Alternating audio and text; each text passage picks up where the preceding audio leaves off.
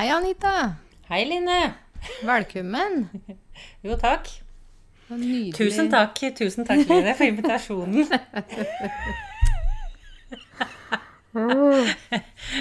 Det er så teit, altså. Ja. Nei, men her er det jo sol og sommer. Veldig deilig, altså. Mm. Mm. Du lå jo lett, lett henslengt på sofaen ute når jeg kom.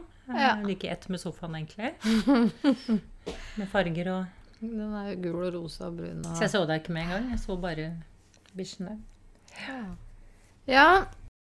Jeg har den siste uka lest 'Hjernen er stjernen' og 'Skjermhjernen' av Andreas Hansen.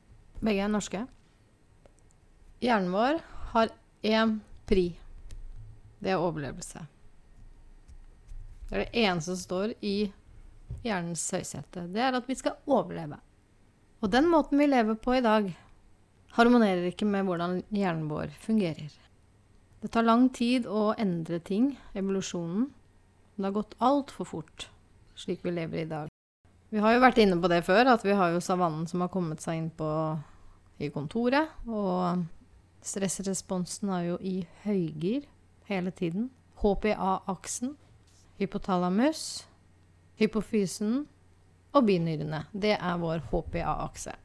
Alle mennesker og dyr med rygg, ryggvirvler er det det vi sier? De har jo en HPA-akse. Mm. Og så har du amygdala, som på en måte er motoren. Den overvåker hele tiden. Har du opplevd å gå langs en sti i litt egne tanker, og så plutselig ser du noe som ligner på en slange? Ikke sant? Du blir kjemperedd. Og så går det noen sekunder, så ser du Nei, det var bare en sånn plastpose, ja. Men der har du amygdala. Den går hele, hele tida. Så, og det er jo for så vidt eh, fint, det. Hjernen vår er avviksorientert. Den ser etter avvik, farer. Og så er det da å få en stressrespons. Fight or flight. Eh, det som jeg har lyst til å si eh, i forhold til vår hjerne, det er dopamin. Dopamin er nok mange som kjenner til dopamin. Eh, at det er eh, har noe med belønning å gjøre. Det jeg ikke visste, var at eh, dopaminet slår ut før du gjør handlingen. Vanligvis så gjør man en handling, og så får man belønning. Men dopamin fungerer slik at det skilles ut før du får gjør handlingen, da. Den responderer egentlig veldig godt på kanskje. Det kan kanskje skje. Det liker hjernen veldig godt. Mm. Fredagsfølelsen, f.eks. Det å gå og glede seg. åh, i dag skal jeg kose meg med et glass vin og noe god mat. Eller jeg skal møte den. Det å være forelsket, ikke sant. Og hva kan skje i kveld?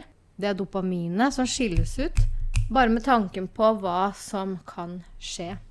Og det er jo lett å tenke at det er fordeler og ulemper eh, med det. Men det man i forskningen ser, da, er at dopaminet er jo den viktigste driven for dopaminet er motivasjon. Den skal motivere oss til å ha riktig fokus. Og det som gir oss dop dopaminkick, vil for hjernen være det som vi bør ha fokus på. Um, det være seg se en vakker kvinne som man har lyst til å ha sex med, og få barn. Reproduksjon, ikke sant? Da er det hensiktsmessig. Men den digitaliseringen og sosiale medier og den telefonen, der har det gått helt skeis. Eller det kommer til å gå helt skeis hvis ikke Har vi gått helt skeis, Ja, kanskje. eller, ja. ja, det har jo for så vidt det. Fordi at uh, dette her fører til langvarig stress i kroppen med påfølgende depresjon. Det er så mange mennesker i dag som er stressa og deretter deprimerte på bakgrunn av det, denne telefonen, denne smartphonen. Fordi vi kan godt tenke at vi bare ved å legge den vekk, så er den borte. Men når du har en ting som gir deg dopaminkick 100 ganger om dagen, så er hjernen så kobla på den uten at du egentlig er klar over det. Altså underbevisstheten. Så du kan legge en telefon ute, og så kan du sitte i et klasserom. Og du får med deg de 10-15 første minuttene like mye som de andre som ikke har telefonen i, det, i nærheten i det hele tatt. Men etter det så forsvinner fokuset mer og mer mot den telefonen som er ute på gangen.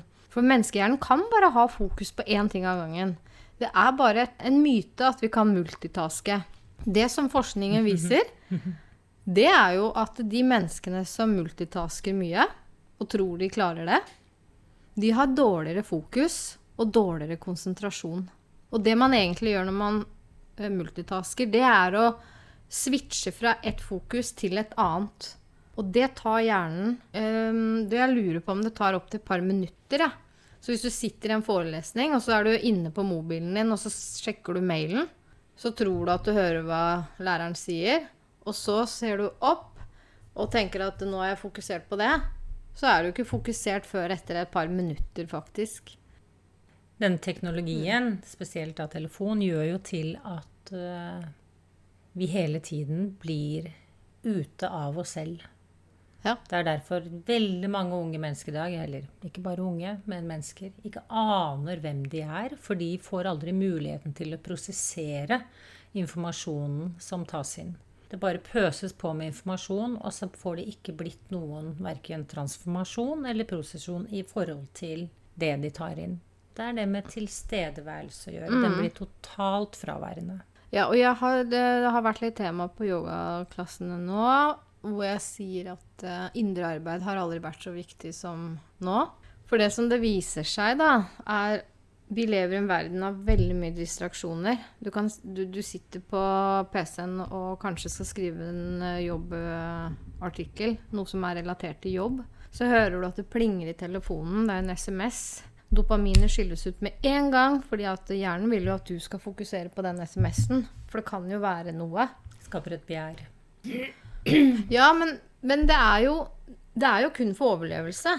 Før så, når, For 100 000 år siden, når vi løp rundt og, så, og det var farer overalt, så var jo det helt riktig. Sånn at eh, det er jo, det er jo, det er jo ikke bevisst engang, dette her eh, Kall det, kall det begjær. Du blir jo det. Du, for du, du, du blir jo Det skaper et begjær. Det er jo Du, du blir jo avhengig av dopaminet. Fordi at eh, det er samme som morfin. Du blir jo avhengig av det. Og det er jo da en, en forventning. Absolutt. Og i, den, i alle de distraksjonene som vi utsettes for hele tiden Det er derfor veldig mange mennesker blir rastløse. Fordi at den distraksjonen har blitt så vanlig. Slik at vi klarer ikke å være i ro. Hjernen vår er hele tiden liksom Underbevisstheten er kobla til det som gir oss dopaminkick. Og derfor er det så utrolig viktig med indre arbeid, slik at vi faktisk kan få mer fokus på det som er viktig. Hei, Vove. Eh, vi snakket sist om eh, Vi nevnte egentlig litt sånn eh, overflødig Overflødig. Eh, og, um, vi gikk jo ikke i dybden på det, men vi begge føler jo at vi må Når vi skriver viktige ting, da, så må vi skrive det for hånd. Det holder liksom ikke med telefon. Det var ikke overflødig, overfladisk, kanskje. var det Ja, ja, ja. ja. Ikke noe av det vi prater om er overflødig. Eh, og det har vært forskning på dette her, faktisk. Dette fikk jeg da, leste jeg i um, Skjermhjernen. For det viser seg det at uh, For å se deg um, i undervisning Så elever som skriver for hånd, noterer, kontra å sitte og notere på PC, memorerer og husker bedre det som har ko- kommet. Uh, og det er fordi at uh, når du skriver for hånd, så må det prosesseres i hjernen. Alt du skriver. I forhold til når du skriver på en PC, så er det liksom bare bokstaver, og du skriver bare veldig fort. øh, fortere. Eh, så det var jo um, Det var litt artig at jeg kom over den når vi snakket om dette her i, i forrige episode. Så, og jeg har alltid, når jeg har lest til eksamener og sånn tidligere, så har jeg alltid skrevet ned ting som uh, på en måte er viktig, og som jeg skal huske. Fordi vi har jo først et arbeidsminne som på en måte kommer inn først. Uh, og så går det jo inn i langtidsminnet i hippocampus uh, etter hvert. Hva er det du driver og ser på? At jeg bruker fingrene mine? Du sitter, bare, du sitter og titter på meg og nesten bare ler av meg, liksom. Hva? Nei. Nei, over, overhodet ikke. Jeg bare tenkte du er så god på disse detaljene. Hippocampus, var det det du sa? Mm. Så tenkte jeg ja, dette er Lines avdeling, tenkte jeg. Så jeg, smi- jeg, jeg ler ikke av det. Jeg Nei da, jeg vet det, da. Vi kan bare forholde oss til syv ting av gangen, sånn ish, da. Hvis du skal memorere et telefonnummer eller et langt nummer, så er det liksom maks sju ting du kan forholde deg til.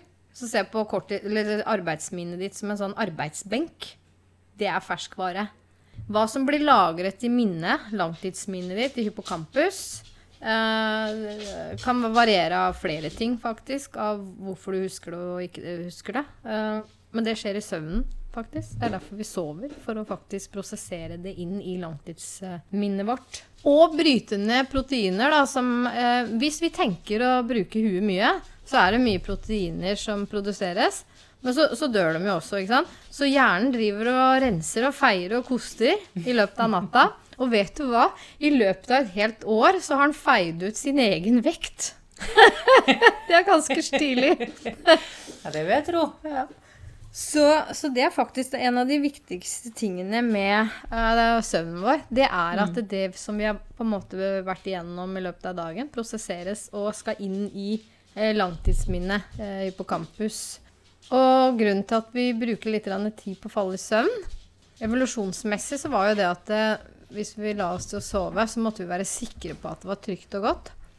Derfor så er det en gradvis innsovning, slik at du på en måte kjenner at du er trygg, og det er ikke noe fare. Så derfor så, så det, men det er noen ganger vi er så slitne at det bare La hodet på puta, så bare bang, var jeg borte, liksom. Men vi vet jo at det er, Da har er det nok vært eh, også veldig høyt tempo hele dagen, som man eh, Ja, jeg vet ikke. Man sklir vel ikke inn i søvnen. Det er vel mer å kollapse, kanskje. Ja, kollapse inn i søvnen. For det viser seg at eh, sover du mindre enn seks timer i løpet av ti dager, så har du like god eller dårlig konsentrasjon som du hadde hatt eh, etter å ha døgna.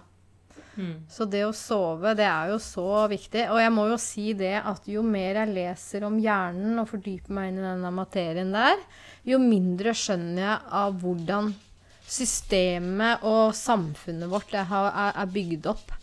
Det henger ikke på greip, og jeg må jo bare si det at eh, politik, politikerne våre burde jo hatt åndelige veiledere og hjerneforskere på teamet til å fortelle at nei, men du, du vil aldri få et menneske eh, motivert ved å ta fra de ting og få de ned i møkka. Ikke sant? Nei, Ja, men det er en god måte å få makt på, da.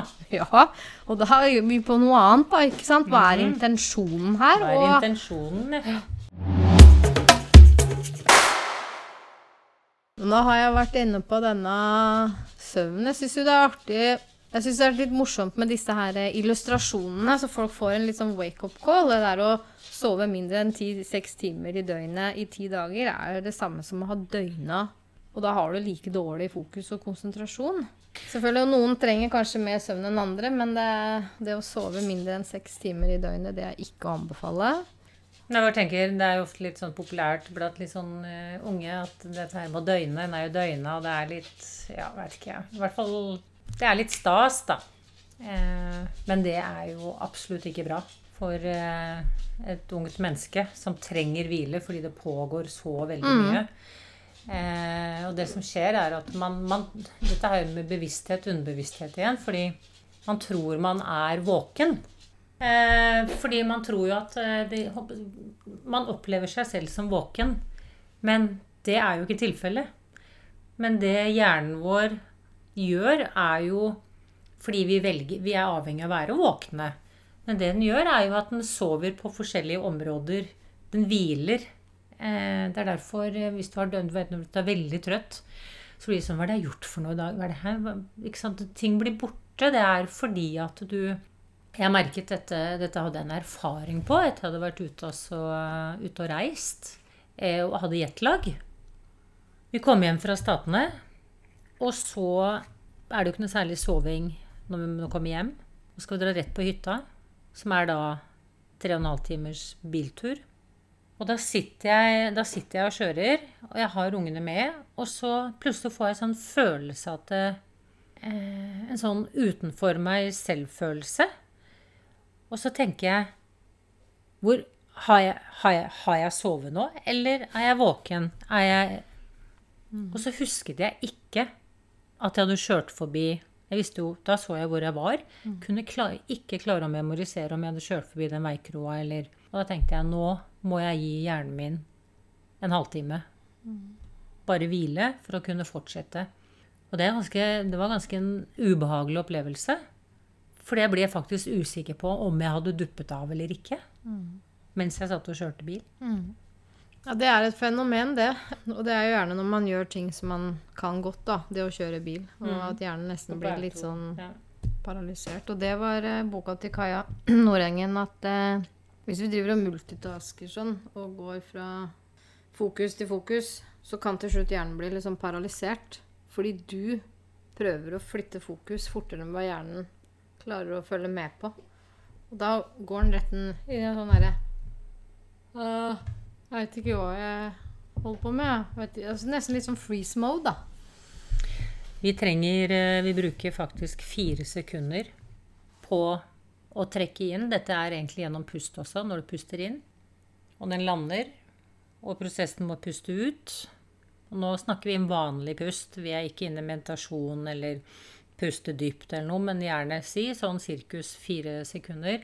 Det er den tiden det tar for oss å ta noe inn, prosessere det og gi slipp på det vi ikke trenger. Og hvis vi alltid er utenfor oss selv, så skjer ikke denne Nei. prosessen. Vi går glipp av uendelig mye informasjon. Og vi får heller ikke gitt slipp på ting vi ikke trenger. Jeg personlig Det er ikke lenge jeg kan sitte foran en PC eller sitte på telefon før jeg kjenner at jeg blir fysisk mm. Jeg blir uvel. Jeg, Jeg klarer ikke det. Jeg, blir, jeg får sånn innvendig stress, og jeg kan åh, ja, Jeg kjenner at nå må jeg bare ut. Jeg får- blir nesten sånn panisk. Så for meg så er jo alt av sånn admin, det er jo helt grusomt. Så da må jeg virkelig gå inn i en sånn derre send for å liksom Ok, full aksept. Nå må jeg sette meg ned og gjøre det. Når jeg kjenner på den uroen, så må jeg opp og danse, eller jeg må gå meg en tur, eller jeg må i hvert fall ta meg en pause, da. ja. Så- ja, nei, det er helt forferdelig. Det er jeg som har redigeringsjobben her, og jeg kjenner jo på det når jeg sitter i en eh, time eller to foran den PC-en, så er jeg nesten altså, sånn kvalm. Eller kaste opp, altså.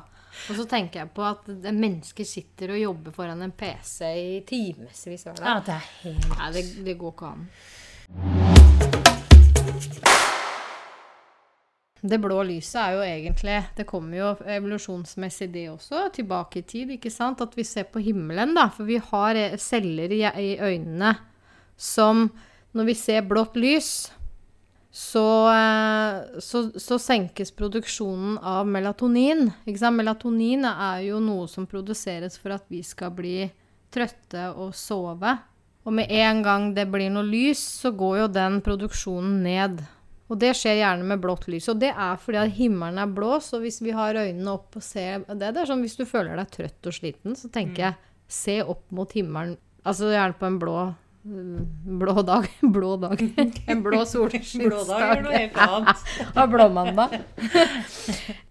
Hvis du ser på eh, en skjerm eller en PC eh, helt fram til rett før du skal legge deg, så er det, som du sier, jetlag. Du setter tilbake produksjonen to til tre timer.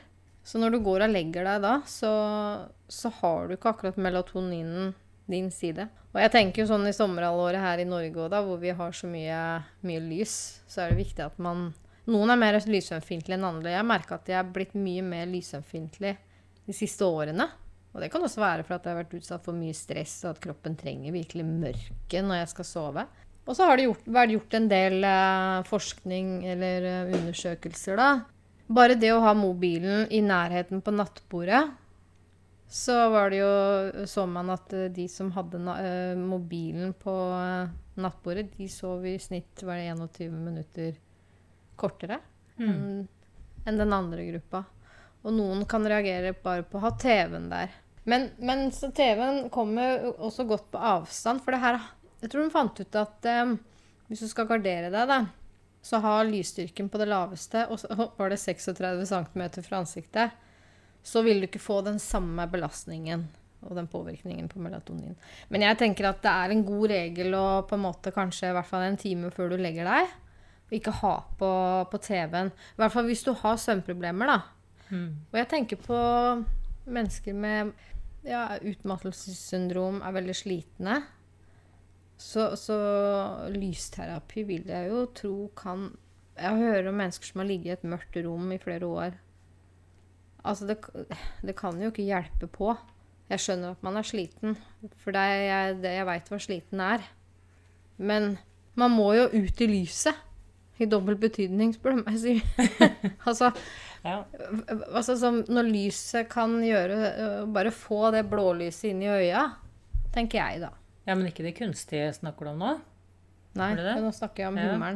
Jeg har sett deg foran en Sola, skjerm. Kraftskillen vår. Ja. Det sa jeg en par på Men nå, nå er det det blå lyset jeg tenker, da. Mm. Som får deg til å våkne.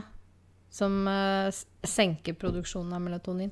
Men nå er det mange andre ting. Jeg sier ikke at uh, dette her er løsningen for ME, for det er forskjellige årsaker til ME òg. Det kan være en uh, fysisk årsak, at man har hatt et virus og sånn. Og, eller det kan være mer mentalt stress som har eh, vært årsaken. Det som man har sett, er jo at det er en skade på mitokondriene hos de som eh, Det er jo kraftsenter inne i cellene. Alt Så- er energi. Alt er energi. Det fysiske er også energi. Ja da, men det er to forskjellige ting å ha, få et virus inn i kroppen, og det har bare vært mentalt stress over lang tid. Det er to forskjellige årsaker til problemet. Ja, ja, så blir men, men alt er energi. Både Ja. viruset og kroppen og Jo da, jo da, jeg forstår det, men, og ja, men nå alle, forskjellige frekvenser. Vi er jo kropp, sjel, sinn. Vi er fysiske, metafysiske, så vi må ikke glemme den fysiske biten også, og bare være metafysiske. I hvert fall i min verden, da, så liksom er jo eh, begge.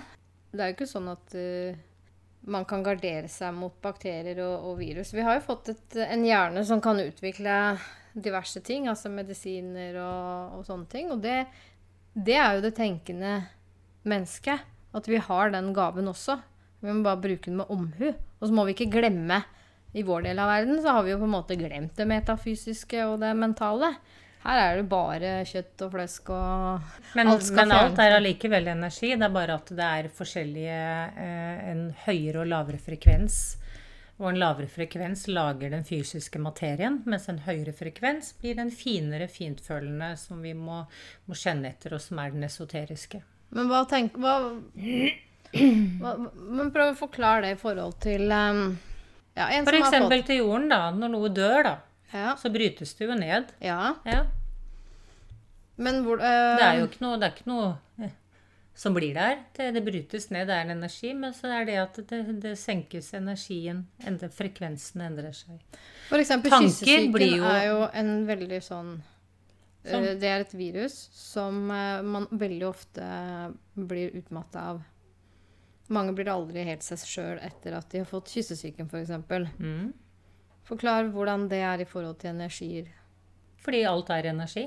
Ja, men forklar. Det vil si, eh, vi sier jo at vi er skapende mennesker, og at du kan skape din virkelighet. Det vil si at tanken, som er da esoterisk, som har en høyere eh, Som går mye, mye, mye, mye fortere i frekvens, kan skape en virkelighet og noe fysisk i din virkelighet. Ja, så du Som tenker... da blir materie. Ikke sant? Materie er noe som blir fast. Ja, men tenker du Så at kroppen man- vår er materie. Så du tenker at man eh, skaper selv det viruset man får inn i seg? Er det det du sier? Jeg sier at alt er energi, sier jeg. Når du sa i stad at eh, man får noe som på mitrokondrien som viste at de ble påvirket. Mm, skade. Ja, fordi at eh, de er energi. Og når de møter en energi som, eh, som er eh, Hva skal jeg si Det blir en krasj mellom de to energiene. Så blir det skade. Ja, fordi du ser på viruset som også en eh, Energi, si for frekvens? Mm. Jeg Så når nok helt mennesker mennesker tenker og prater om det, det samme, så manifesteres det inn i det fysiske som Mm. Det er- materie. Ja. Det, vet du. Ja, det, det, og det er jeg helt enig i. Det har jo liksom fra himmelske samtaler også, i forhold til at eh, det blir jo på en måte det vi aksepterer, består jo på en måte. Så man kan jo velge hva man vil være i forhold til, og da må man jo på en måte eh, gjøre det som er riktig ut ifra én. Så hvis man ser på verden i dag, så er jo den på en måte en gjenspeiling av den kollektive bevisstheten. Det betyr ikke at eh, alle går og tenker at det er greit at halve verden sulter eller halve verden er i krig. Men det er allikevel en aksept for det. Fordi de gjør jo ikke noe for det. Mm. ikke sant? De aksepterer at det er sånn, og så tenker at det, nei, noen må ha det jævlig for at vi skal ha det bra. Og man kan jo godt si det sånn at uh, for å se lyset, så må det også være mørke. Ja, ja, ja. Det er, eh, det, er, det er komplekst, dette her, og det er ingen enkle svar på noen av disse spørsmålene. Eh, men bare for å liksom sette et bilde på det Hvis alle mennesker i dag hadde fått en intensjon og virkelig gått inn for og tenkt at i morgen så er det ingen som sulter, så hadde det vært borte. Sånn. Hvis alle hadde gjort det, for da hadde vi manifestert det inn i en ny verden som alle menneskene skapte med tanken sin Ja. på samme nivå.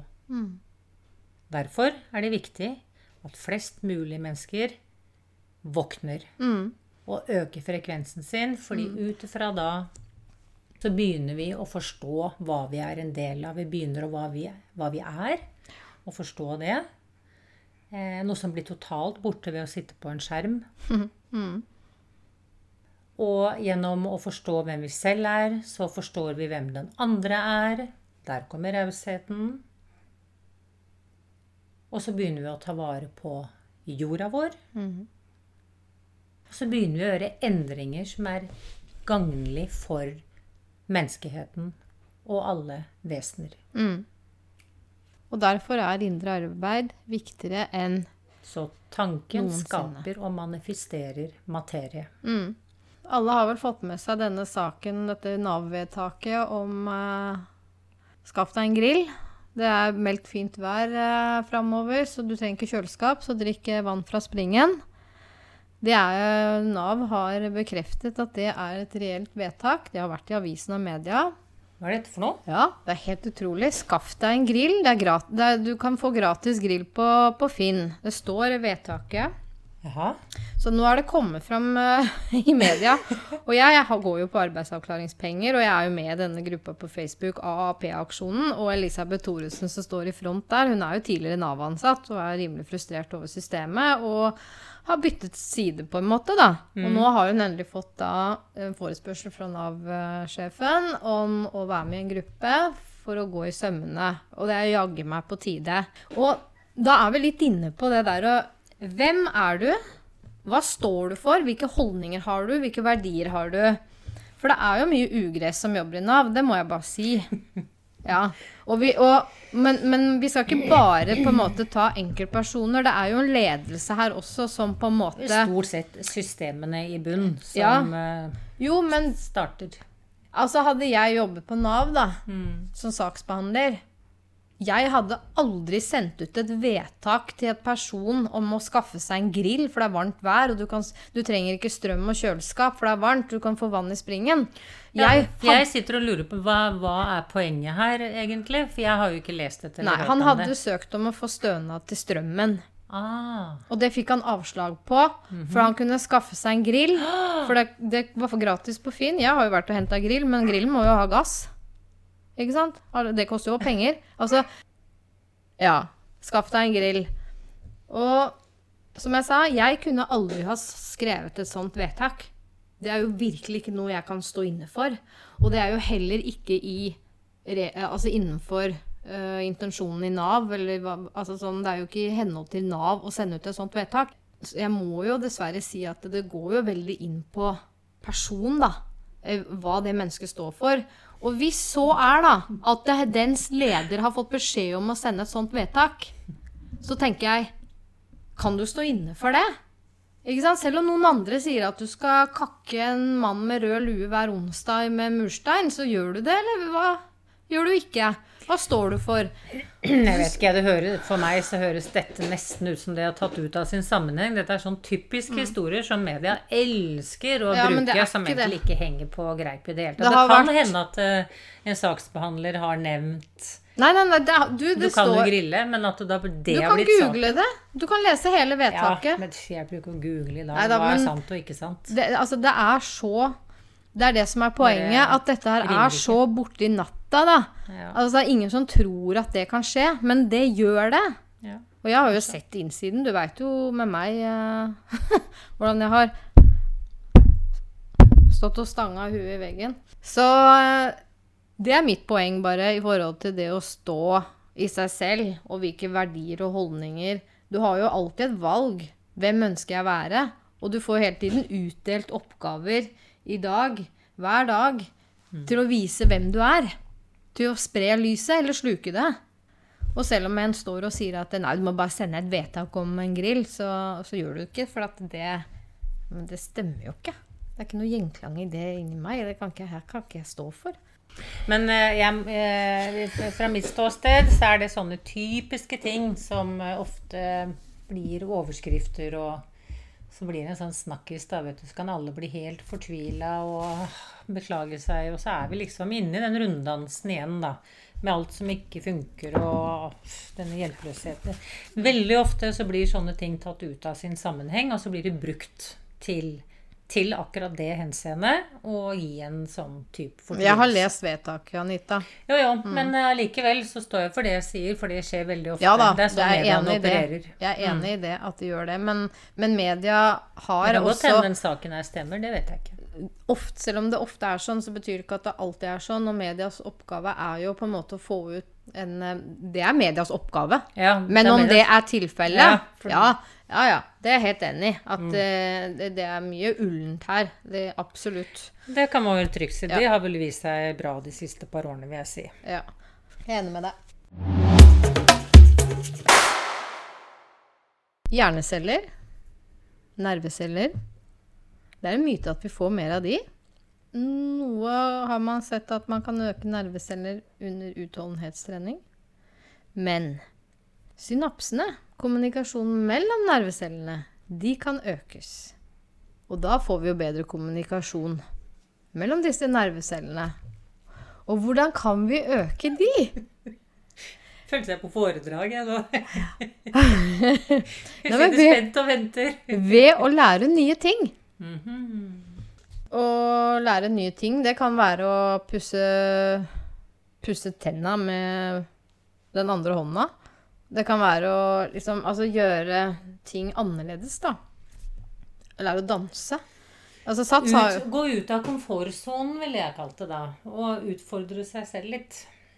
Ja, det også. Det også, absolutt. Men man behøver ikke nødvendigvis ja, ja, å gå ut av ting. Men, men bare det å tilegne seg ny kunnskap, for det, da er vi litt inne på dopaminet. Jeg må jo si at uh, jeg får dopaminkick av å lære nye ting. Mm. Uh, jeg bare Jeg åh, elsker å sette meg ned og lese bok. Og det, um, jeg, det er ikke noe vondt å si om Jo Nesbø, altså, for jeg har lest alle hans bøker. Men det er, det, ikke den, det er ikke den uh, sjangeren der jeg leser bøker lenger. Er, jeg elsker å tilegne meg ny kunnskap. Og leser ofte de samme bøkene igjen, for da får jeg inn eh, Ja, får gjentatt det. Og da tenker jeg, og så jeg sa i stad, jo mer jeg leser om hjernen og hvordan den fungerer, så skjønner jeg mindre og mindre av hvordan systemet er. Og så tenker jeg da på eldre mennesker, da, som sitter mye aleine. Eller de er på et eldrehjem og Og hva er det som skjer der for at de skal opprettholde hjernen sin? Fordi dette er jo Ordet demens betyr jo hjernesvikt. Og det er jo aller høyeste grad å forebygge demens av å lære nye ting. Kjør salsakurs, kjør matkurs, kjør kunstkurs. Jo, det er en del av disse eh, seniorboligene. De prøver jo det jo at det skal være en verdig alderdom, da. Så der jeg jobber, så Nå jobber jeg som nattevakt, så jeg er jo ikke en del av det. Men jeg vet jo at på dagtid så har de trim og trall, og det er turgåing og planter. Mm. Og quiz og selvfølgelig bingo. Bingo er alltid med. Men, det, Bingo er gøy. men, men hvis du gjør ting som du kan, Mm. så utvikler du deg ikke. Så du, du må gjøre nye ting. Mm. Lære deg noe nytt. Så bingo Jeg vet ikke. Kanskje Ja, nei, nå var det litt mer Mm, ja. at, de, at de hadde aktiviteter, da. Ja. Men eh, ja, nei Jeg vet ikke om de er så interessert i å lære mye nytt, da. Line, det må. Så jeg tror ikke det står på viljen til eh, kanskje noen av de som jobber der, men det er jo noe med interesse å være i et mønster og programmering som eh, Det er vel mange av de som bor på eldrehjem i dag, som kanskje ikke har lært så mye om dette med indre arbeid og Mm. sånne ting. Det er vel generasjonen vår og de etter oss, tenker jeg, som blir mer der. Mm. Ja. Uten at jeg tar alle over én kam. Det er helt sikkert vi har mange spreke, eldre, våkne, friske mennesker, altså. Eh, men de er, de er vel en minoritet, kanskje. Men jeg, jeg jeg jo, jobber jo i SATS, og det har jeg jo gjort uh, siden 1994. Og før det så var jeg jo på en del av sentrene rundt forbi som blei SATS. Jeg husker Trim og Trivsel, det blei jo SATS Ila. Pust og Pes, det blei jo SATS Nationaltheatret. Mm. Ikke sant? Og det var jo en suksess å begynne med senior på disse Mm. sentrene. Det ble jo kjempepopulært, Ja. ikke minst eh, i forhold til det sosiale. Ja. Om det ikke er så Ja, de er i bevegelse, men det er liksom ikke Jeg tror ikke det er bare treningen som er hovedfokus, da. Nei, og nå har jo SATS har jo på en måte motto 'train your brain'. Mm. Og det er jo mye av det jeg snakker om her. Det, Mm. det at det liksom holder hjernen i aktivitet, sånn at vi kan forebygge demens. Blant annet. å lære nye ting og opprettholde. For hvis ikke du bruker Hvis ikke du bruker det du kan, så mister du det. Ikke sant? Det er noe med det. At eh, hjernen er plastisk, og den vil hele tiden enten trekke seg bak eller fram. Og da tenker jeg på Zumba. Du er jo Zumba-instruktør. Tenk deg hvor mye du må tenke. Alle de trinna. Det er bare det å ha seniorpuls, ikke sant. Og gå fram og litt krysssteg her og der. Og det er jo kjempebra for, eh, for hjernen. Det er jo et ordtak som heter at livet skjer utenfor komfortsonen. Eh, for hvis du bare gjør det du kan hele tiden, så blir du egentlig litt sovende. Du går på en autopilot, og, du får, og da får du heller ikke med deg de nye ting. Du søker ikke nytt. Du blir, blir egentlig litt, eh, litt robot av det. Mm.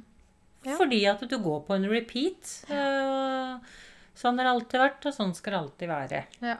Det er ikke mye utvikling og sånt. Nei, ikke sant? Så det å gå søke ut av komfortsonen, og det krever litt vilje i starten. Fordi da er hjernen liksom inn, satt inn på den der at eh, nei, vi gjør det sånn. Mm. Så da ja. Så Eh, livet skjer utenfor komfortsonen. Ja. Da blir det større. magic is happen outside the comfort zone. Mm. Det er gjerne litt skummelt i starten. Mm. Jo, i forhold til narsissister, da, som alltid er en liten sånn Den henger jo litt over oss, da, i denne podden. Som Kaja skriver, at liksom, hjernen vår er jo eh, Hun har faktisk et lite kapittel om narsissister og psykopater, og kommer jo med eksempler med mennesker gjennom tidene som eh, ikke har hatt de eh, områdene i hjernen i aktivitet. Alle Jeg vil si at de fleste diktatorer og ledere som står for uh, folkemord og massemord, har vært narsissister hele gjengen. Ja, ja. ja. ja det er, jeg Det er gjerne de som blir, har blitt ledere, Mm, mm. dessverre. Ja. Og som har laget uh, grufulle handlingene i historien vår. For det er jo det jeg Det jo en viss mener er type at uh, vi kan, Jeg kan jo si at det, det er jo ikke i menneskets natur å være ond. I en menneskehjerne som, som har på en måte hele hjernen i en takt og i aktivitet, så er jo ikke ondskap en naturlig atferd. Så det er jo på en måte de menneskene, ja, som du sier, som har stått for ondskap eh, gjennom tidene, det er jo mennesker som mangler noen sjelelige evner, da. Eh, hva, hva vil du si er av, av mennesket? Hva tenker du at mennesket er? Hva er, det, hva er, vi, hva er mennesket? Mennesket er tenkende. Vi har evnen til å tenke i fortid og framtid. Vi har em, områder i hjernen vår. Den er delt inn i forskjellige lober, hvor du kan aktivitet for empati og, og kjærlighet og sex og alt dette her. Det er hele hjernen vår. Altså Bolt og Dharma der ute, de er jo kjempeflinke til å være her og nå. De kan lære, men det baserer seg på et minne.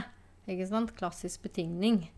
Hver gang det klikker, så Å, det var noe bra, nå kom det noe godt, eller Ikke sant? Men jeg tenker litt mer essensen menneske. Hva er det? Hva sier vi ved at mennesket er skapt ut ifra? Vi er vel en uh, liten del av den, hvis jeg forklarer det, da, den universelle visdommen. Tenker jeg, da. At vi, vi har jo alle svarene i oss, og vi er jo kommet hit for å erfare hvem vi er. Men eh, sånn i forhold til det jeg snakker om, vil jeg si nå, da, i forhold til narsissister og psykopater, det er jo det at um, Sånn som når et spedbarn blir født, så har den rundt 2500 synapser. Når den er rundt tre år, så har de rundt 15 000. Ikke sant? Det er derfor mennesket har så lang barndom, for vi har en så komplisert hjerne at det tar tid å utvikle. Hva er det som gjør det som skjer, at alt dette fungerer, da? Ja, det som skjer på veien fra dette barnet er nyfødt, til liksom voksen alder, er så utrolig viktig for utviklingen. Fordi er det deler av den hjernen som ikke blir utvikla, så, så, dør de cellene. Det betyr ikke at ikke de kan få aktivitet i dette igjen. Da kan, snakker vi om plastisiteten. Og at, eh, som jeg sa til han eksen min, at han kunne reise til Tibet og være munk der i, i noen år. At det er liksom eneste muligheten for at han kanskje vil få en oppvåkning, da. For, fordi antagelig Det er helt dødt der. Ikke sant? For de har jo ikke evnen til å se at det de gjør, er feil, da, hvis vi kan si noe som er rett eller galt. I himmelske samtaler så eksisterer ikke det eh, i utgangspunktet. Eh, men for meg, da, så er det Det er jo noe som er rett og galt i forhold til Hvis du har en frisk hjerne som kommuniserer med hjertet ditt, så er det alltid kjærligheten som, som vinner. Det var det jeg egentlig ute. Kjærlighet. Ja. Lys og kjærlighet. Mm. Men hos disse menneskene ja. så kommuniserer jo ikke Det er jo ikke aktivitet i den delen av hjernen som står for den autentiske, den empatien, kjærligheten. Ikke sant? De evner ikke å føle det. Men tror du da at de er rene mennesker lenger? Det tror jeg. Det er bare at det er Jeg tror ikke det er demoner. Ja, Men når mennesket er lys og kjærlighet Vi kommer inn i verden som det. Eh, som lys og kjærlighet. Nei, men vi har jo Ja, men vi lever et fysisk liv på jorda. Mm. Ikke sant? Sånn men hva vil du, du si de Hjernen er ikke utvikla i alle områder som den skal være. Men la meg endre spørsmålet, da. Eh, hvis du har en eh, diktator som beordrer en hel landsby til å bli slaktet, vil du si at det er i lys? Nei. Men, I lys og kjærlighetsessensen? Nei. Menneske. Men, nei, men der er jo hjernen, deler av hjernen da i dvale, da, hvis jeg kan bruke det ordet. Ja, er, det, er, det, bare hjernen som gjelder, da? Hvor er ja. det blitt av det lyset, da?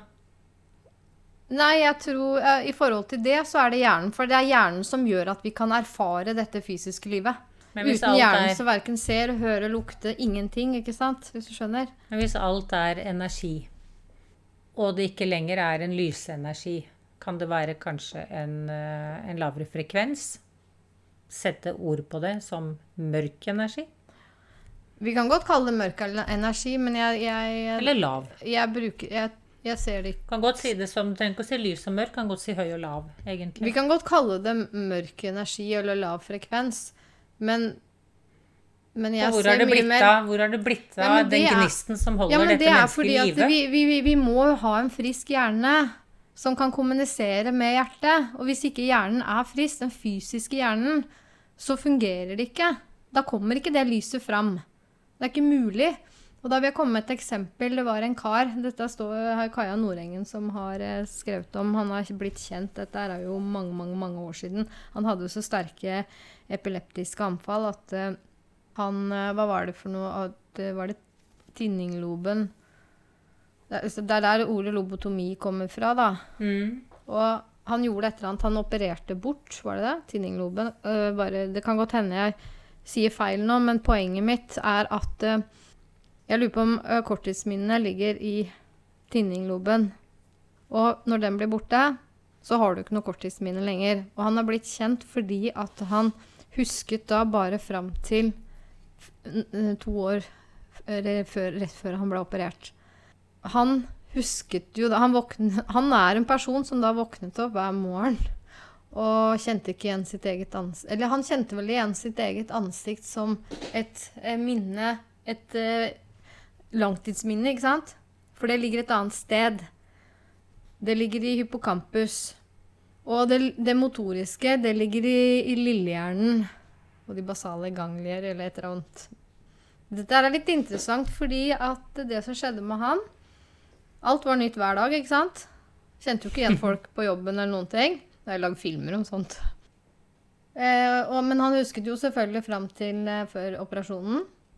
Men det man så, er at når han brukte hender da, til å lage noe, tegne noe eller lage noe, det kunne utvikles.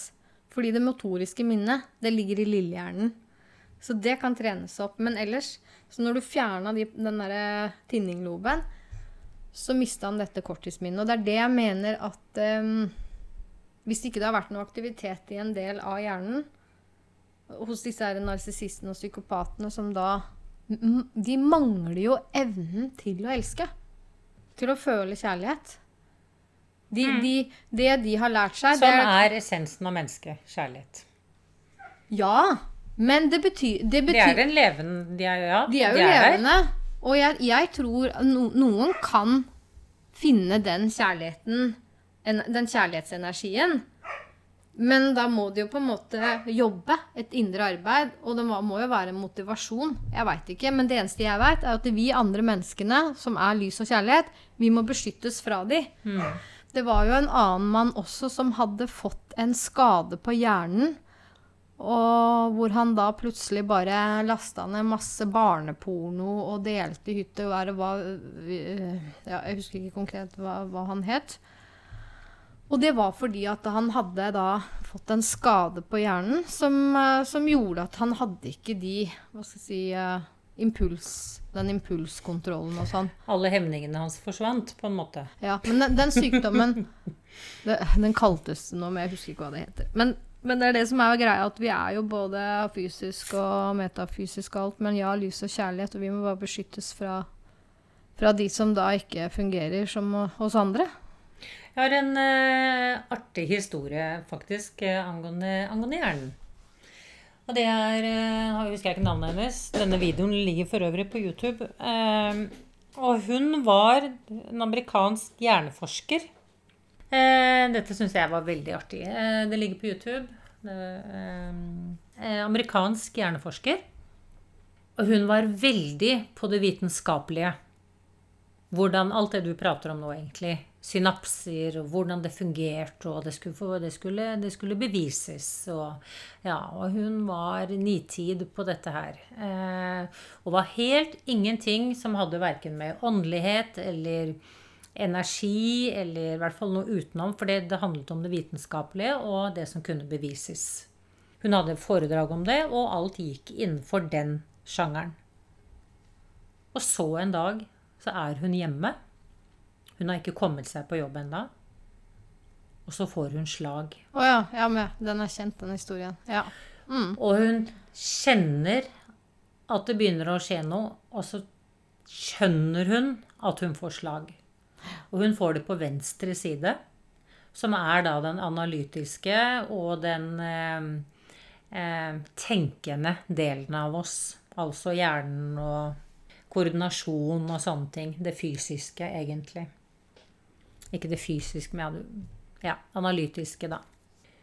Og hun kjenner at, og forstår dette her skjer, og tenker hva gjør jeg nå? Jeg må prøve å på et eller annet vis få tak i hjelp. For det står alltid på tid i forhold til et slag. Og hun kjenner at hun begynner på en måte å finne, miste følelsene venstre, venstre side. Kommen kommer seg til telefonen sin. Og hun skal prøve å slå disse, hun forklarer at hun skal prøve å slå disse tallene. Og hun sier det er som det er helt sånn transparent. Hun øh, trykker, og på et, men så har hun sånn stjerne 1. Ikke sant? Så hun kommer til kontoret, da. Og så hører hun Hun hører veldig godt den i andre enden. Og så svarer hun.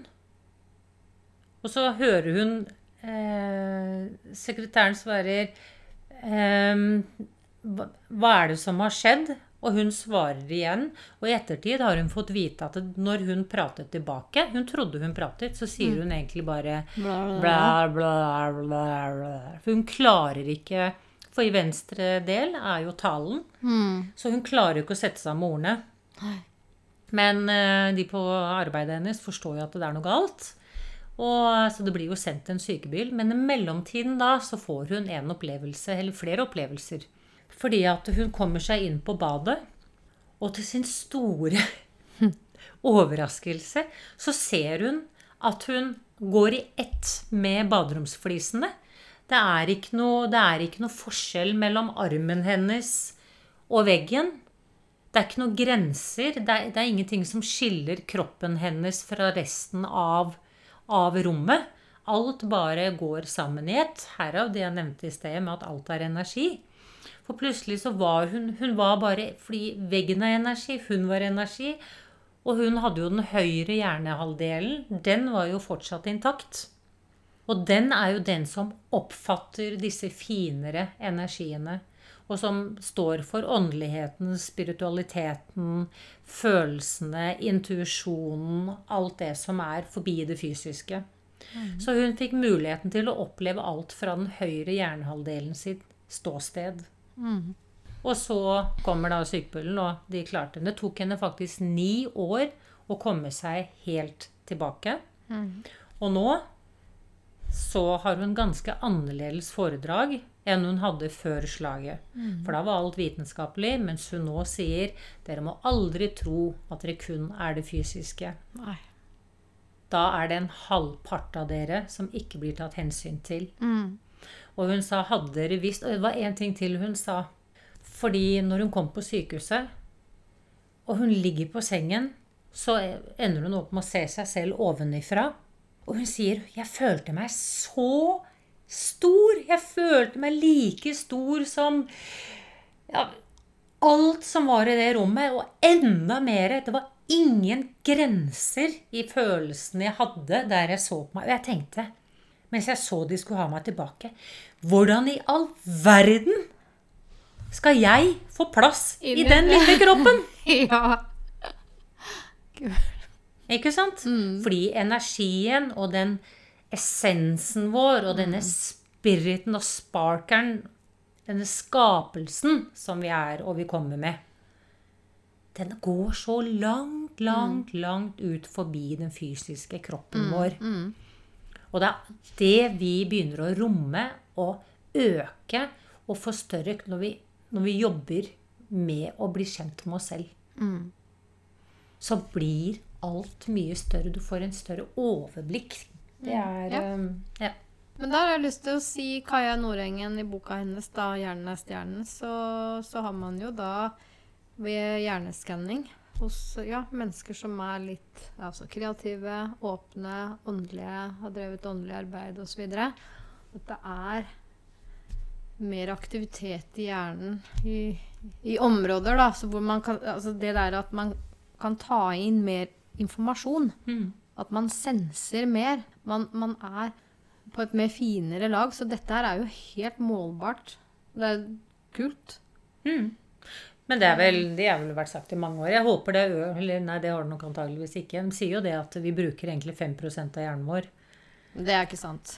Det høres litt litt ut, men uh, jeg vet ikke. Men det vi bruker, var i hvert fall den, ikke hele potensialet. Den myten avliver hun i 'Hjernen er stjernen'. Men det, med det hun sier, er jo at vi bruker jo hele hjernen. Hele hjernen er jo involvert. Ja, men, men potensialet Ja, selvfølgelig. Det er jo det jeg mente, da. Ja, det er det du mente. Selvfølgelig er det jo det jeg mente. Du bruker, jeg mente jo ikke at vi bruker bare frontallappen, eller Nei, men jeg tror kanskje mange tenker sånn, da. Mm. Apropos, det var godt at vi tok den. Fordi å bruke hele hjernen Selvfølgelig bruker vi hele hjernen, men det er potensialet. Er vi enige om det? Ja. Og så har jeg også lyst til å ta opp det derre Hva er det å være åpen? Mm. Den tror jeg er ganske så misforstått. Mm. For jeg sier ja, jeg er åpen, jeg, sier, sier folk. Ja. Og så viser det seg at jeg tenker eh, Nei, det oppfatter jeg deg virkelig ikke som.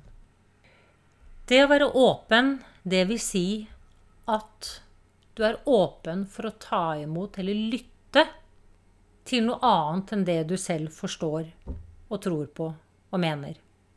Å være åpen betyr ikke at du tror på ånder og engler. Det er mange som mikser den der. Mm. Av det å være åpen, da tror du på noe som du ikke kan se på. Mm. Selvfølgelig, når du først er åpen, og raushet til alle meninger, eller til andre mennesker rundt deg, mm. så forstår jo, som jeg tenker med meg selv Hvilken rett kan jeg si til noen som helst hvis de forteller meg nå at jeg tror på det, for jeg har opplevd erfaring på det? Hvordan kan jeg si at eh, det der tror jeg ikke noe på, og så skal jeg fortelle hva jeg tror på? Mm. Hvorfor eh, det er, Jeg kan ikke ha mer rett enn den andre. Så jeg tenker at alt er mulig. Mm. Jeg har ingen erfaring kanskje på det den andre forteller, men jeg sier ok. Det er å være åpen. Mm. Det er å være åpen når du får motsatten sin side uten at du skal gå i forsvar Mm. eller krige eller forklare eller komme med din egen mening. Mm. Jeg tenker at man må på en måte smake på Inn det, lukte til på det, refleksjon. mm, reflektere rundt ting. Det Kan er, det eh, være noe i dette? Og vi har lært dette Jeg ser aldri på debatter på TV. Jeg kan ikke tenke meg noe mer meningsløst enn å se en sånn debatt. Nei, hvis det er bare sånn meningsutveksling og ikke kommer noe For det ene, og, og det er alt er satt i utgangspunktet, fordi det kommer inn en ja-side og en nei-side.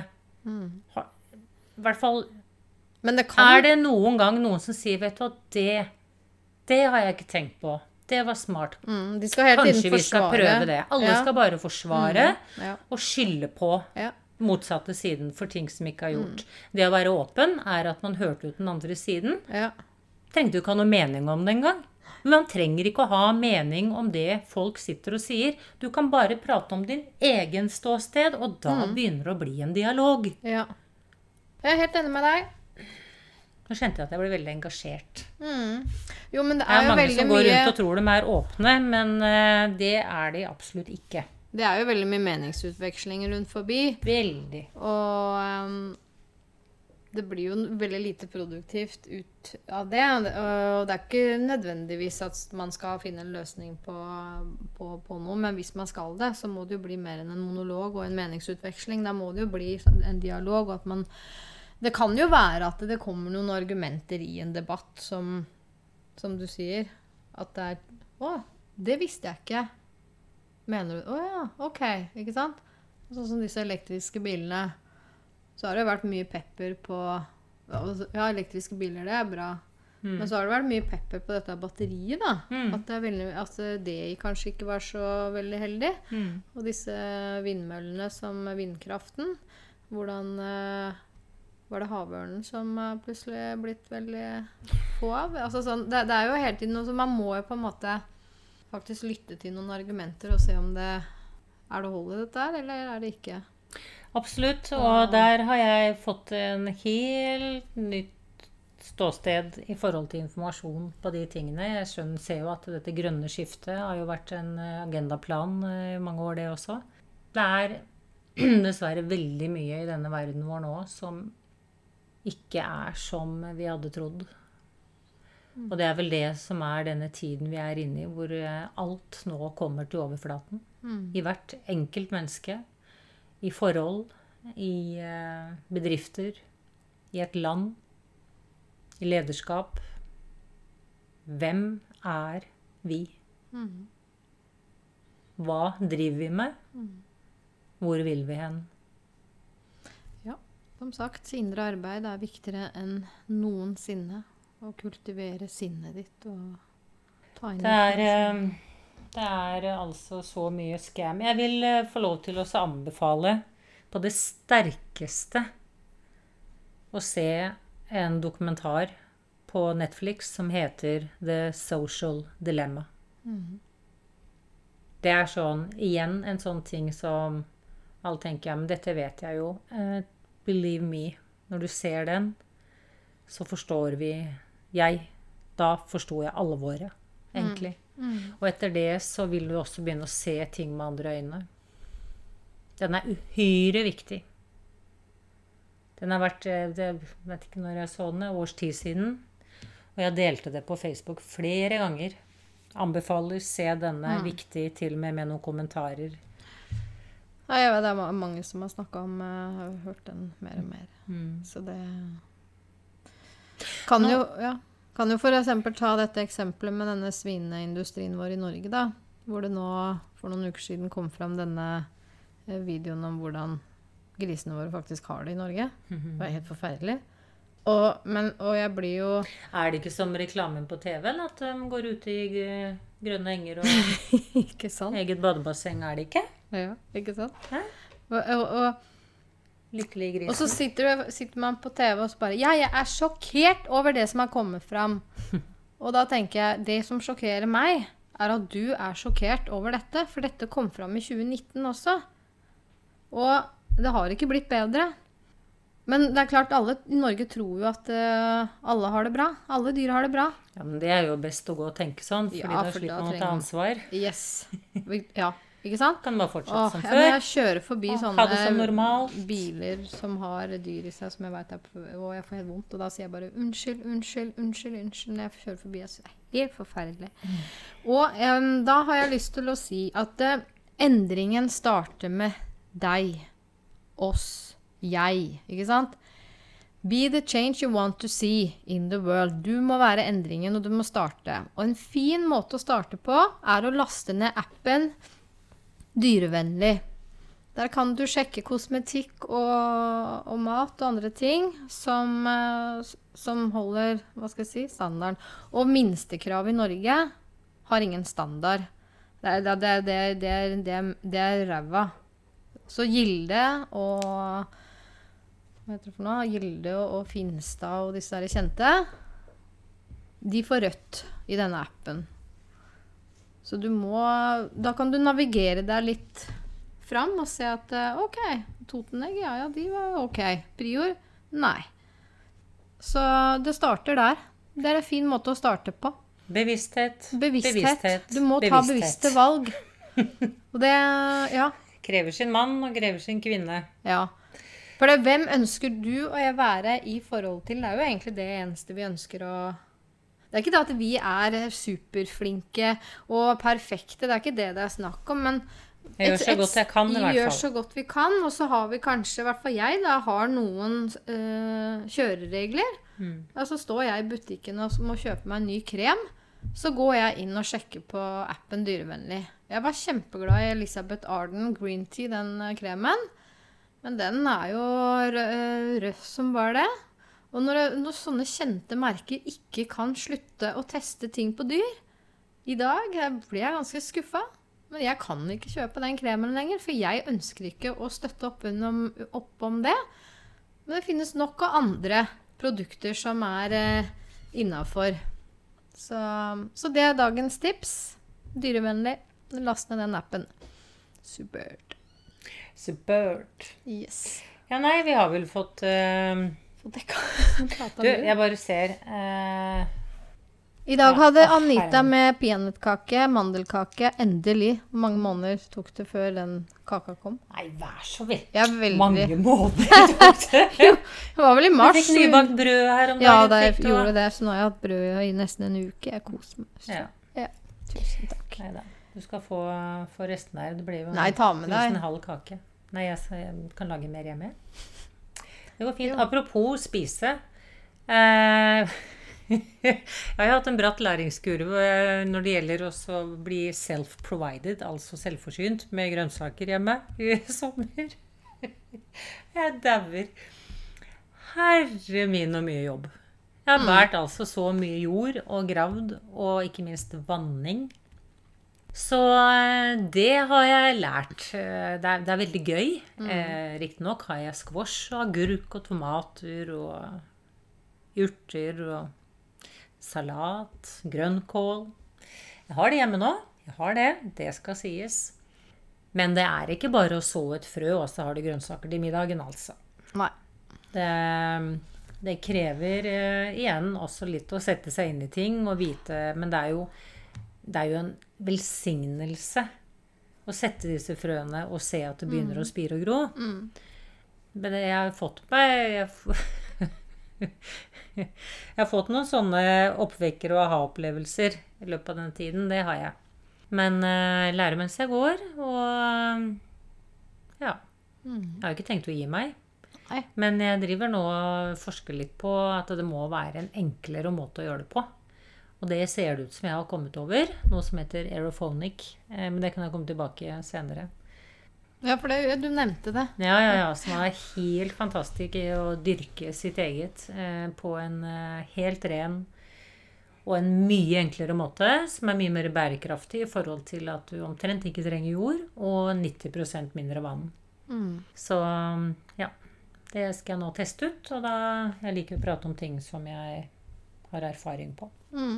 Da hører vi om det når du har fått mer erfaring. Nå har jeg fått mer erfaring. Ja. Hva prøver jeg Ja. Her om dagen så sto jeg ned og lagde mandelkake, og så tenkte jeg hm, mandler kan man Så gikk jeg ut, der hadde jeg en par potter, så dytta jeg en mandel i hver potte, da. Så jeg vet ikke om det kommer. Kanskje jeg får mandeltrær.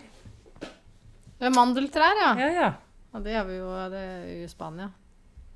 Det er jo nydelig når det Og- blomstrer. Mandeltrær. På rommen. Og på rommet Må du ikke ha det litt varmere, Du Må ha trua, Line. tror det må du. Kommer ingen vei hvis du ikke har trua. tankens kraft. Tankens Ja. kraft. Vi får bare tenke oss til. Det er veldig gøy, altså. Det er det. Nei, men jeg må Jeg humrer og ler for meg sjøl noen ganger. Det er eh, Ja. Jeg har lyst til å komme med en liten eh, dopaminhistorie.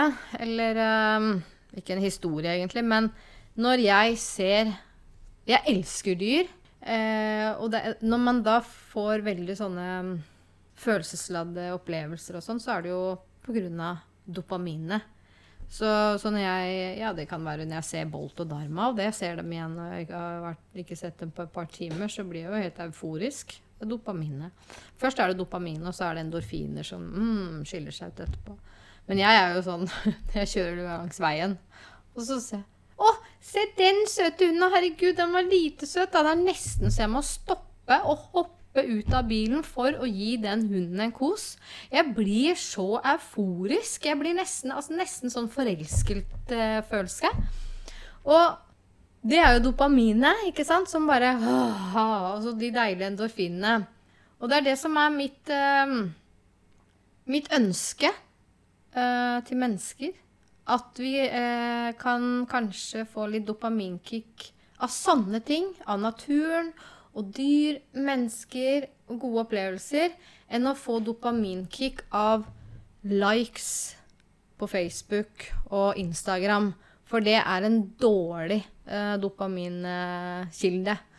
Der er det bare depresjon å hente. Og da kommer begjæret inn. Fordi du, den, du får aldri fylt Du får aldri fylt den tann... Hva skal jeg si Det blir en umettelig Ja, begjær ja. etter å oppleve det samme og samme Ja. igjen. Fordi det er en kunstig ting som stimulerer. Ja.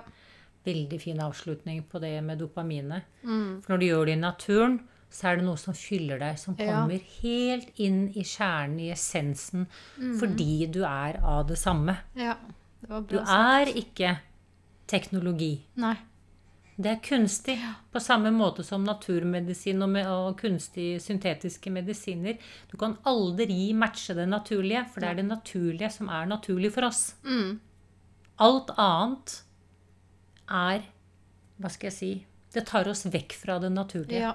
Det er helt riktig. Det var bra sagt, det der. For det er akkurat det jeg egentlig ønsket å formidle med det jeg sa nå. Mm. At dopamin er ikke bare feil, men det kommer an på hvor du får kicket fra. Ja. Nå Mm. fikk vi For jeg også følte seg at det ble veldig mye sånn Kom litt Nå datt den ned. Nå ja. fikk vi sagt det. Så lenge lever dopaminet, endorfiner og GABA. Juhu. Eh, la- kan jeg avslutningsvis ta en, for du var inne på det med dyr. Ja. Jeg hadde en veldig kul opplevelse i skogen her om dagen. Jeg går bortover, og så ser jeg bare den kjempesnegla som er eh, på vei over, eh, over veien. Eller på stien, da, som jeg går. Du vet sånn, ja. Ikke sånn veldig tynn sti, men sånn veisti. Ja. Fort går det ikke. Og så slo du følge med snille. Nei da. Det bare var det første jeg sa. Jeg sto stoppa opp og titta på den, og så sa jeg ja, fort går det ikke. Så. Ja, å ja. Men det som skjer, da, er Og den var svart. Den var ganske stor, altså.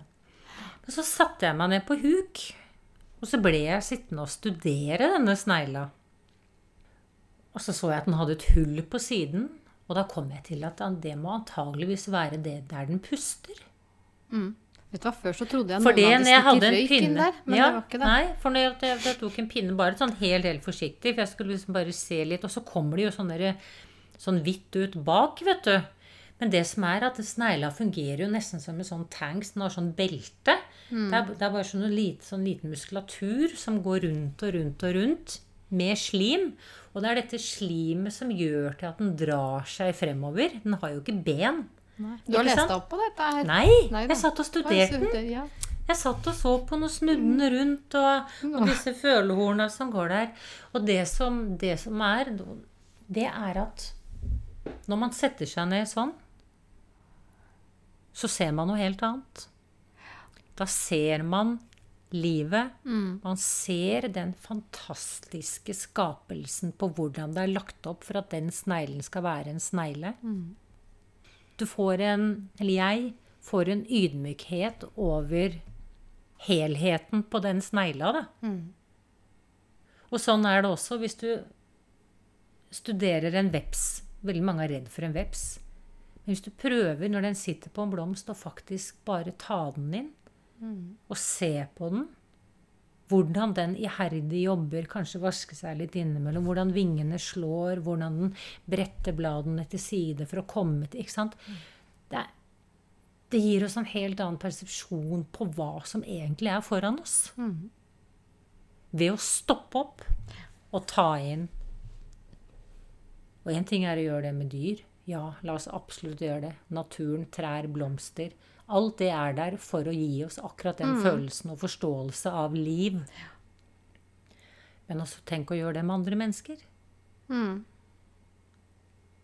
Da begynner vi å snakke liv laget. Mm. Og en fremtidig jord for barna. Ja, men da er vi inne på Deepak Chopra og empati. At det, når vi liksom begynner å gå bakenfor og, og se på bakenfor menneskers akutte handlinger, da. Mm. Du har vært inne på det før. En hard følelse skjules jo ofte, skjuler ofte en myk følelse. Ikke sant? Sinne Altså sorgen er bak sinnet. Det er jo Deepak Chopra. Jeg lurer på om det var den indiske legen du skulle referere til en gang til? På en pod. Nei, du tenker på han fra latteryoga, du. Men det er, Ja. en, det er også en, på Netflix så er det Og dette er en sånn type dokumentar. Den er altså så fantastisk at du blir I hvert fall jeg. Jeg ble, jeg ble altså så dratt inn i den. Eh, og jeg kjenner det på innsiden når jeg bare skal fortelle om den. Og den satt i meg i mange dager etterpå. Og det er en dokumentar eh, som heter eh, eh, The Octopus My Teacher. Eller Å, den høres kjent ut. ja. Jeg er usikker på om jeg sier den i riktig rekkefølge. Ja. Det er i hvert fall eh, Blekkspruten, min lærer. Mm. Og det er en mann som har møtt veggen og gått inn, ned i depresjonen, og som eh, finner en måte å hile seg selv på. Fantastiske bilder og historie, og eh, virkelig i samme gate som jeg nå fortalte om snegla. Mm. Apropos depresjon, så har jeg bare lyst til å avslutte med en ting som jeg syns var veldig interessant, som ikke jeg var klar over. Sånn evolusjonsmessig, da. Så etter langvarig stress så kommer depresjonen. Og det altså, er det evolusjonsbiologer som forsker på, på det. Og man ser at eh, depresjon er egentlig en, det er en overlevelsesstrategi for kroppen. Og det genet som på en måte skrur på depresjonen, aktiverer også et gen, så immunsystemet går opp. Det var nytt for meg. Men i den langvarige stressprosessen før depresjonen slår inn, så har du et lavere immunsystem. Men så må kroppen da, hjernen, må jo redde liv. Ikke sant? For ellers så kan vi jo ikke reprodusere oss og overleve. Trekker deg inn i depresjonen. Du mister følelsen for lykke, glad, glade følelser. Du trekker deg tilbake. Immunsystemet går opp, sånn at du skal bli um, mer motstandsdyktig mot infeksjoner. Eh, og det var sikkert nyttig en gang i tiden. Men uh, i dagens samfunn så er det jo veldig mange mennesker som, uh, som er uh, deprimerte. Så det må vi få gjort noe med. Spre lys og kjærlighet. Hva heter han komikeren vår, han som spiller i Dum Dummere?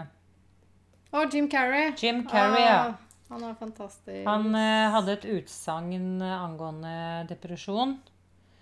Og han sa 'depression'. Så sa 'you can hvis du korter ned det, så blir det deep rest. Det betyr at du trenger en hvile eh, for å finne tilbake til deg selv. For du har altfor lenge prøvd å være en du ikke er. Ja, eller at du har vært eh, for sterk. Eh, altså du er sliten av å være sterk lenge. Ja, Det er ikke det, det samme, da? Ja, men jeg, jeg vil ikke akkurat sidestille det med at du ikke har prøvd å være noen du ikke er, da. Men du har ikke vært ærlig på hvem du er. Du har vært sterk istedenfor å si du er sliten, eller for å gi deg selv Nei, men det er ikke sikkert du noe, det er ikke sikkert du har noe valg heller, da.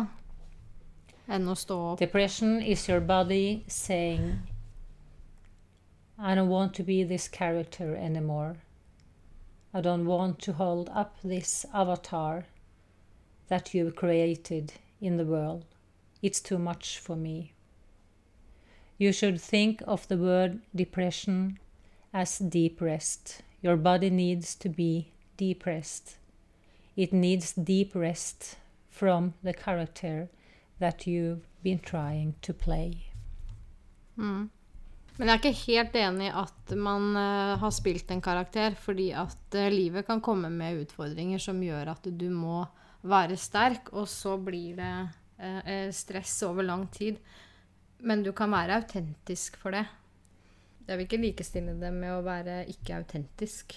Det kan være Det er det du erfarer. autentisk? Vil du, vil du si at depresjon er en naturlig tilstand for mennesket? Nei, det var ikke det jeg mente å si. Men evolusjonsmessig så er det jo.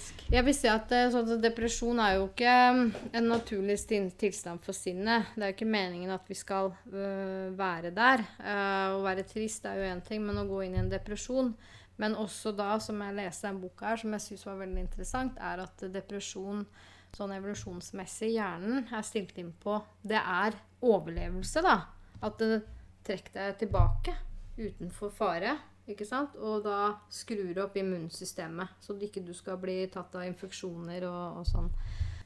Men vi lever jo ikke i en sånn verden lenger som vi gjorde da for flere hundre tusen år siden, når det var eh, reelle farer der ute. Nå er det jo helt andre farer og ting som Apropos da sosiale medier og mobiltelefon, som er årsaken til mye depresjon blant yngre i dag.